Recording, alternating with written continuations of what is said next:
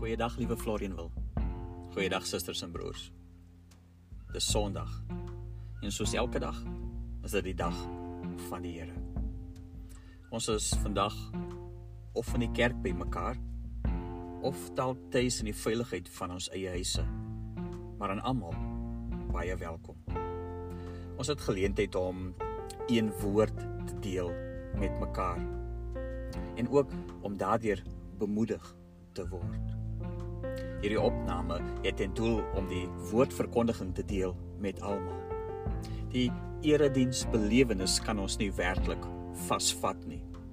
Maar nietemin is dit tog 'n geleentheid om te deel wat die woord van die Here sê met mekaar. Dit is vandag Moedersdag. Om eerstens God te gedenk wat tog ons hemelse moeder ook is. Maar ook om ons eie aardse moeders en hulle opoffering te onthou en daarvoor dankie te sê. Liewe moeders, en ek dink aan ons eie biologiese moeders, maar ook in besonder aan ons geestelike moeders. Baie baie dankie. Robert Cooper sê die volgende oor leiers. En ek dink dit is vir my veral van toepassing op moeders want hulle is tog ons leiers. Hy sê elke deel van die wêreld het hy agtergekom dat mense geïnspireer en gemotiveer word deur leiers wat eg is. Mense met 'n goeie kop, maar altyd ook met 'n goeie hart. Niemand verwag van leiers om perfek te wees nie, net opreg en eerlik. Net opreg en eerlik, nie perfek nie, sê hy. En ek wil dankie sê vir hierdie opregtheid moeders. Vir opregtheid en liefde en omgee want dis veral die een ding wat ons inspireer om ons beste te wees. Baie dankie ook vir die eerlikheid. Ek moet erken soms is dit nogal skerp, maar is nodig. Dankie moeders. Mag die Here julle ryklik seën en geniet hierdie besondere dag. Ons begin ons erediens. Ek open vir ons met gebed. Aanbiddelike Heer, Ons hulp kom alleen van U wat hemel en aarde gemaak het en wat nooit laat vaar die werke van die hande nie. Amen. Aan die gemeente van ons Here Jesus Christus, genade en vrede vir julle van God ons Vader, van ons Here Jesus Christus, deur die kragvolle werking van die Heilige Gees.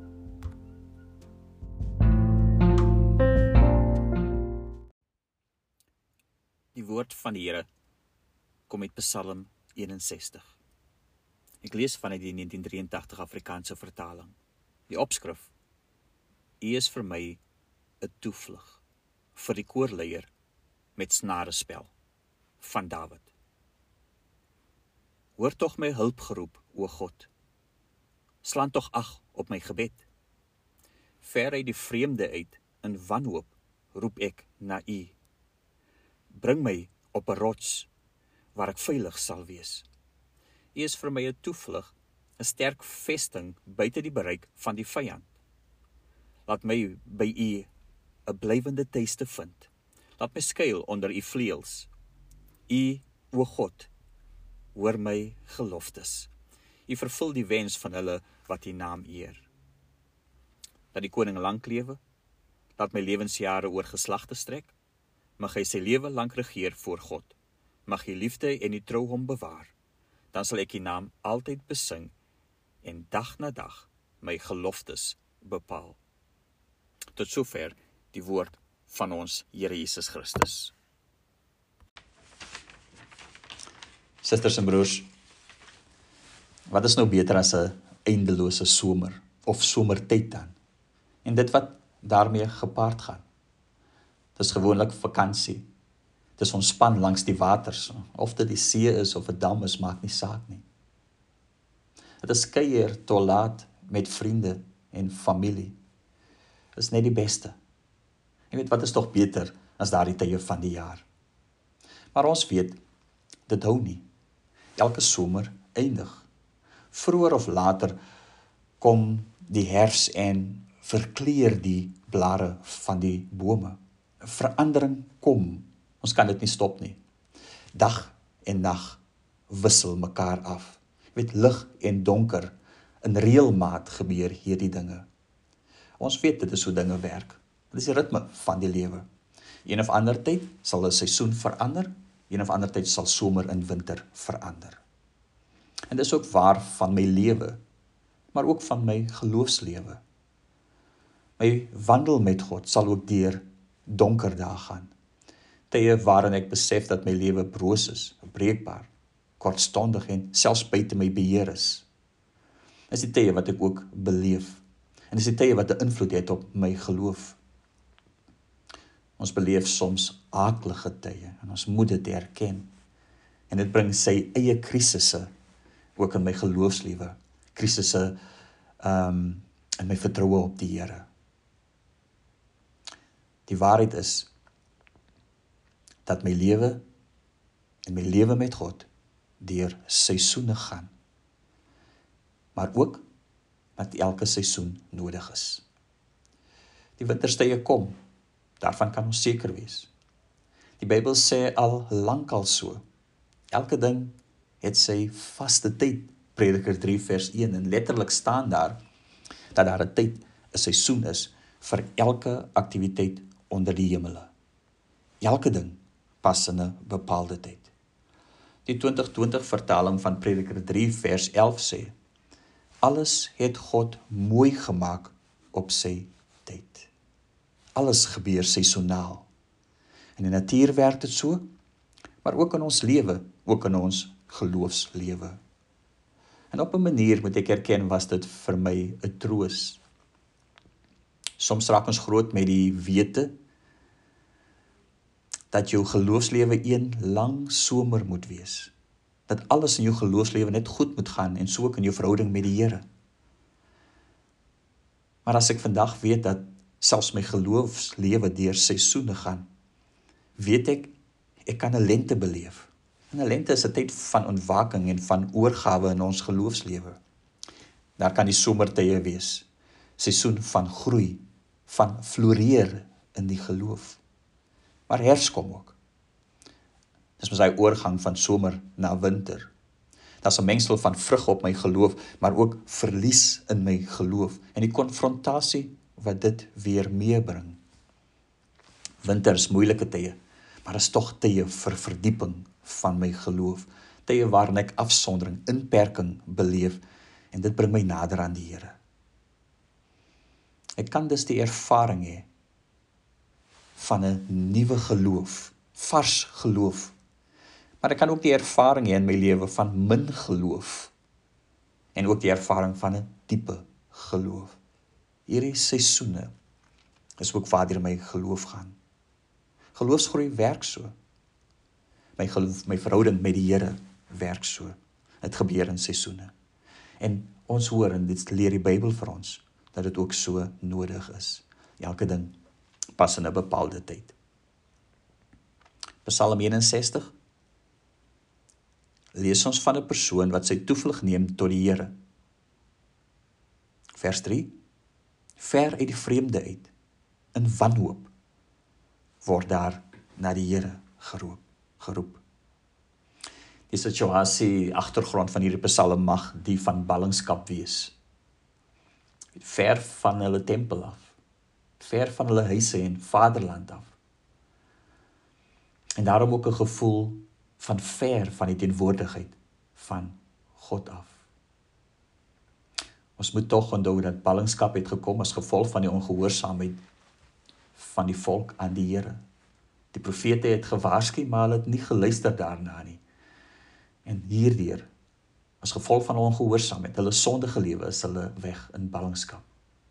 En nou wonder die psalmdigter van Psalm 61. Wanneer sal ek weer die Here ervaar? Wanneer sal my verhouding met die Here wees soos vroeër, soos in die lente van my geloof?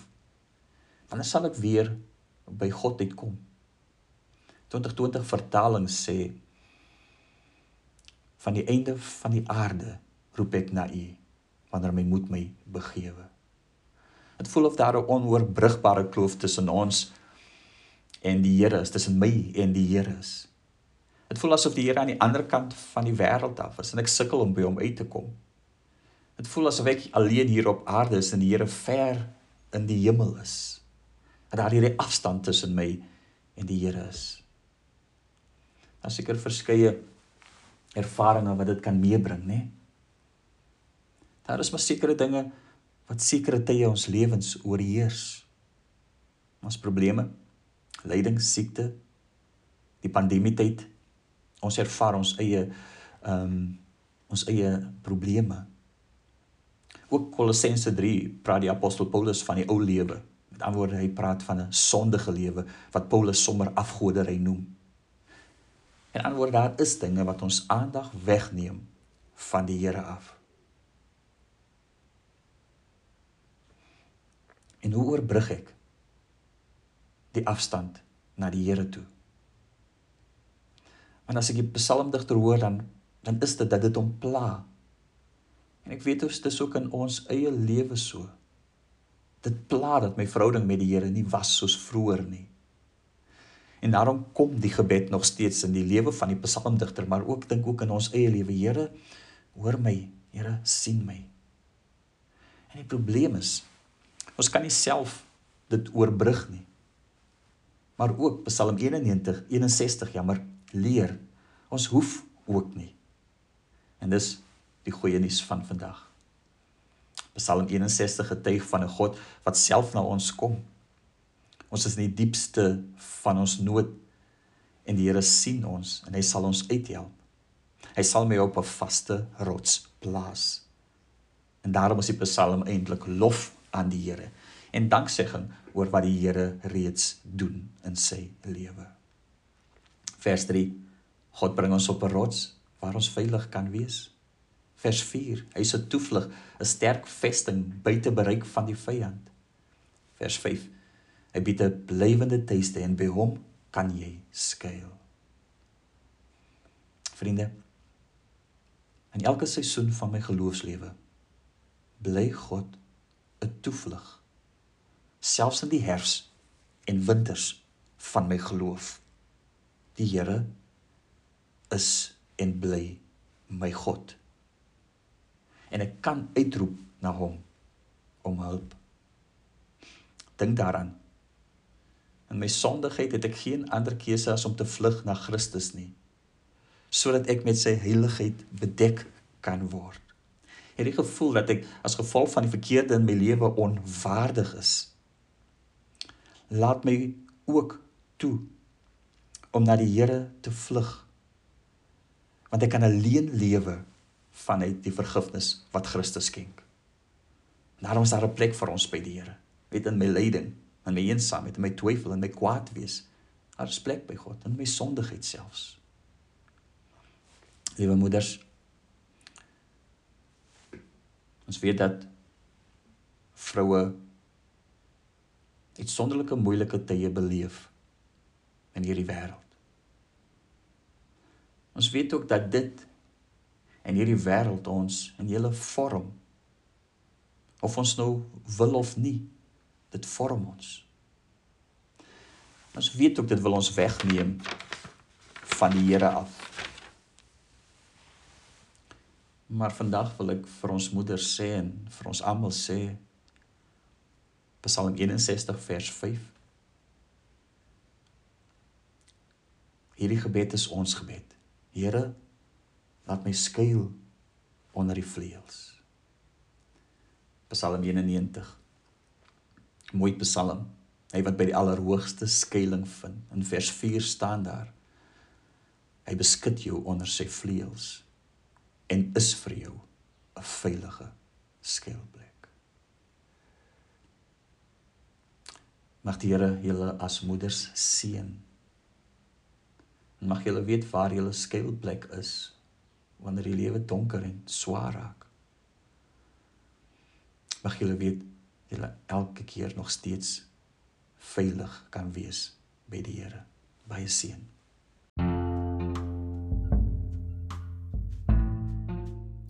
Ek doen vir ons se gebed. Hemelse Vader, dankie vir die mooi voorreg dat ons soos altyd Here u stem kan hoor vanuit u woord. Dat u boek van die Psalms Here weer tot ons kon spreek vandag. Ons het die belewenis Here dat U soms ver Here van ons af is. Dit mag wees Here dat ons wag op die waarmaak van die beloftes in ons lewens Here. Mag wees Here dat daar eie dinge in ons lewens is wat ons op 'n manier Here weghou van U, wat ons onvrymoedig maak Here om met U te praat, onvrymoedig maak Here om na U om na die kerk toe te kom, Vader. Om stil te raak Here voor U aangesig. Maar daar bly Here by ons die begeerte Here nog steeds soos die psalmdigter Here dat van die ander kant van die wêreld af Here wil ons eintlik net na U roep en sê Here asseblief Here sien ons en help ons. Dankie Here dat U 'n skuilplek is. Here vir ons as mense, as swakke, sondige mense. Baie dankie daarvoor, Here. Vergewe ons, Here, ons skuld en ons sonde. Moet dit teen ons hou nie. Help ons, Here, in die lyding wat ons ervaar en gee ons, Here, krag. Maar bovenal, Here, geloof, sterk geloof, Hemelse Vader maak ons nederig in dit alles en leer Here dat in hierdie seisoen waarin ons is met ons geloofslewe dat ons Here uiteindelik net vir U beter sal leer ken. Sien ons Hemelse Vader. En dankie vir U genade. En nou Here is ons gereed om U seën te ontvang. Die genade van ons Here Jesus Christus. En die liefde Here van U wie God is en troos en bemoediging van die Heilige Gees sal met ons wees vir altyd. Amen.